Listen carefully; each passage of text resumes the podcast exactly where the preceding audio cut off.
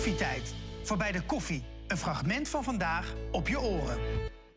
Maar ja, wat, wat betekent je zus voor je? Ja, alles eigenlijk. Zij is ook echt, ehm, denk ik, de eerste die ik bel na bijvoorbeeld een première. Nou, ze waren er ook bij, mijn ouders en mijn zusje afgelopen zondag bij de première van De Miserabelen. En dat is gewoon zo'n support dat zij daar zijn. En eh, ja, ik, ik, ik vertrouw haar gewoon heel. Ik vertrouw mijn zusje, denk ik, het allermeest. Ze is een van de belangrijkste personen in mijn leven. Ja. Je hoort ook wel eens dat mensen zeggen, weet je, als ik dan de première heb... en dan komen dus inderdaad vrienden of familie die zo close zijn... dat het nou ja, nog meer zenuwen oplevert. ik vind het ook wel spannend. Al weet ik dat eh, zij zijn helemaal niet... Ik bedoel, mijn, mijn ouders zeggen van... ja, we weten niet zo heel veel van, ervan, weet je wel, hoe het allemaal moet. Maar ze hebben intussen natuurlijk veel gezien. En ik wil... Je wil toch altijd voor, voor de mensen waar je het meest van houdt... Ja, het, het, het, aller, het allerbeste Ja, doen. Dat ja. is gewoon zo. Dus ik, Ik, vind dat eh, stiekem toch spannend. Ja, ik heb het zelf ook hoor. Vroeger met die grotere shows. Dat je dan denkt van, oh, als mijn ouders in de zaal zitten, kunnen er duizenden mensen. Maar als je ouders zijn, dan denk je echt, ah. Apart, hè? Terwijl Ja, je weet, ze zo. houden toch altijd van je. Ja, maar je, bent dan, je wil toch eh, gewoon dan nog meer je best doen. zo. Ja, hè? en Ja. ze hebben je ook zien groeien. Ik bedoel, toen jij acht jaar was, toen stond al in de Sound of Music. Ja, klopt. Ja, Toen wilde je dan natuurlijk als klein moppie heel graag. Maar als je het, zeg maar, het gevoel vergelijkt... Hè? Ik bedoel, toen was je acht, ben je natuurlijk gewoon een kind. Hè? Ja. Je, je, het- je bent het altijd blijven doen. ja. Zeg maar, het gevoel wat je daar had en nu dat je 24 bent. Boah, dat is echt ja, dat is een wereld van verschil. Want dat was voor mij, eh, ja, het was een droom die uitkwam om gewoon als een van die kids op zo'n groot podium te staan. Weet Ja. je, tussen mensen waarvan je denkt, oh, dat wil ik later ook gaan doen. Maar nooit gedacht van, oh, kan ik dat wel? En dan word je ouder en dan ga je beseffen van, hé, hey, misschien zit die kans er wel in als ik hard werk.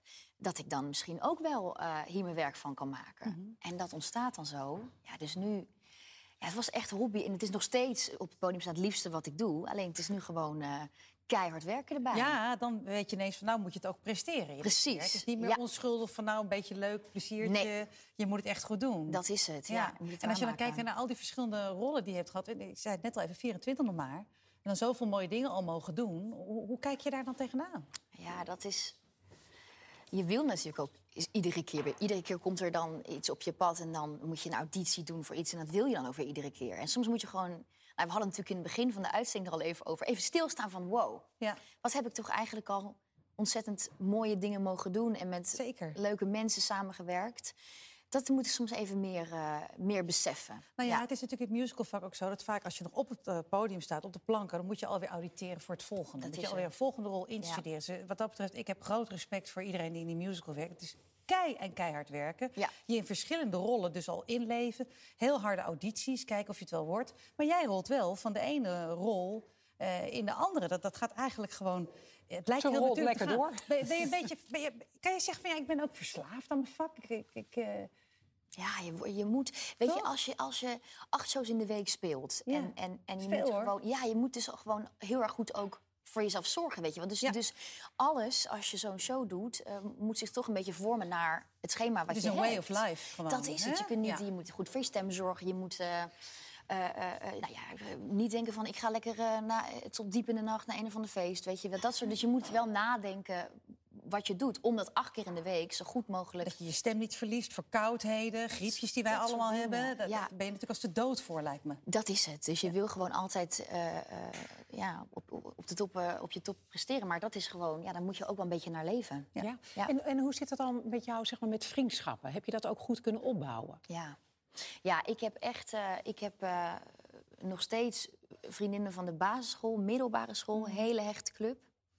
En ja, in, in het vak mensen ontmoet, weet je wel. Je deelt toch een passie en je brengt zoveel tijd met elkaar door. Dus als iemand dan bij je, bij je past, dan blijft iemand ook wel gewoon in je leven. Dus het is, ik heb, dat is ook heel leuk. Ik heb mensen uit het vak, maar ik heb ook mensen die totaal iets anders doen... die ik Ja. echt al jaren bij me heb.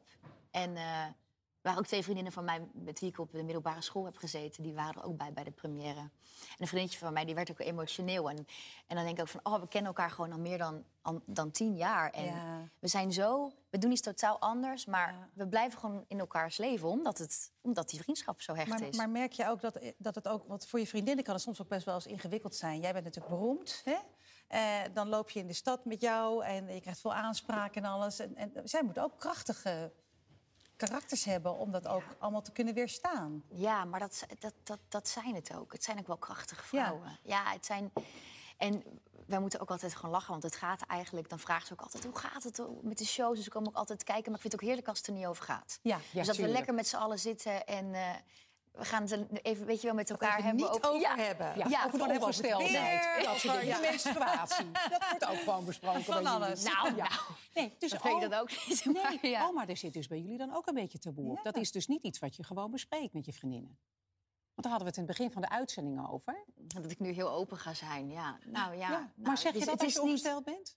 Oh ja. Ja, zie, dan ben je best wel Nee, dat, dat zeg ik wel. Ja, Ja. ja, ja. Ja. Nou, het is heel anders. Vriendinnen. Wat Ja. een leuke, Ja, een nee, leuke wending. Ja. Bedoel, Je hebt nu een, een, een, een droombaan op dit moment. Hè? Ik bedoel, er zijn natuurlijk nog veel meer musicals. Zijn er nog andere dromen of misschien iets heel anders wat je graag zou willen doen? Mm, ja, ik heb nog... Ja, je gaat altijd weer verder dromen. Andere dingen, nieuwe shows. Ik zou wel... Ik zeg altijd, ik zou ook wel, wel, willen presenteren bijvoorbeeld. Ik heb ook wel andere dingen waarvan ik denk, oh, dat zou ik tof vinden. Ja, en gewoon eh, eigenlijk waar ik nu mee bezig ben... Daar, daar kan je weer zo in groeien en nieuwe voorstellingen, nieuwe rollen. Ja,